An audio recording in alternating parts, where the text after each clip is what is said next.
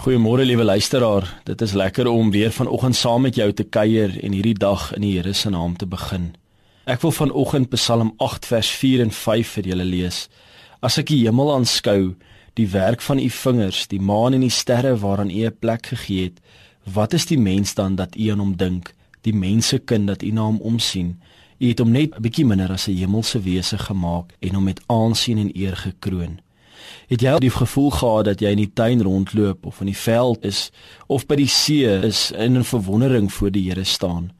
In verlede maand het ek en my vrou en 'n paar familielede en vriende 'n staproete gaan stap in die Drakensberge.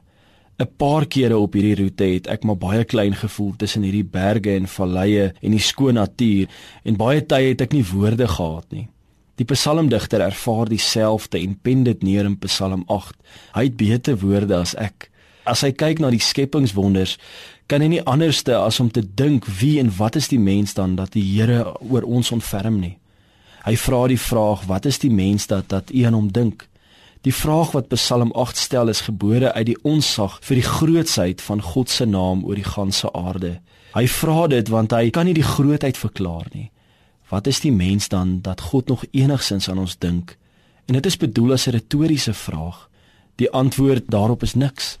Dit vestig die grondtoon van die Psalm, naamlik verwondering. Die wonder dat God maak bemoeienis met die nietigheid, die mens in die groot heelal.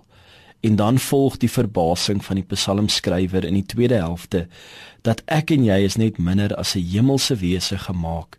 Met eer en aansien is ons gekroon om te heers oor hierdie wêreld en op hierdie aarde.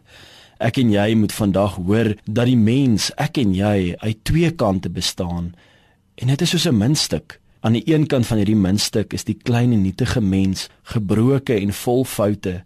Maar aan die ander kant het ons die voorreg om te heers oor die skepping. Dat God my en jou die voorreg en die verantwoordelikheid gee om te heers oor die skepping.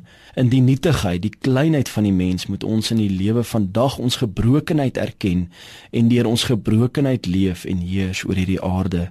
Ons dra die stempel van ons Skepper wat ons gemaak het in die wêreld.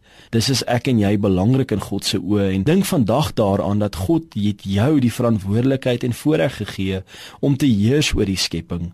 Mag ek en jy dit goed doen. Ongeag ons gebrokenheid en foute, kom God steeds en vertrou ons as mens in die wêreld. Mag jy vandag bewustelik leef dat jy is vir God belangrik. Gaan heers oor die skepping want die Here het jou met eer en aansien gekroon gaan wees jy vandag die verskil wat jy graag wil sien. Lekker dag.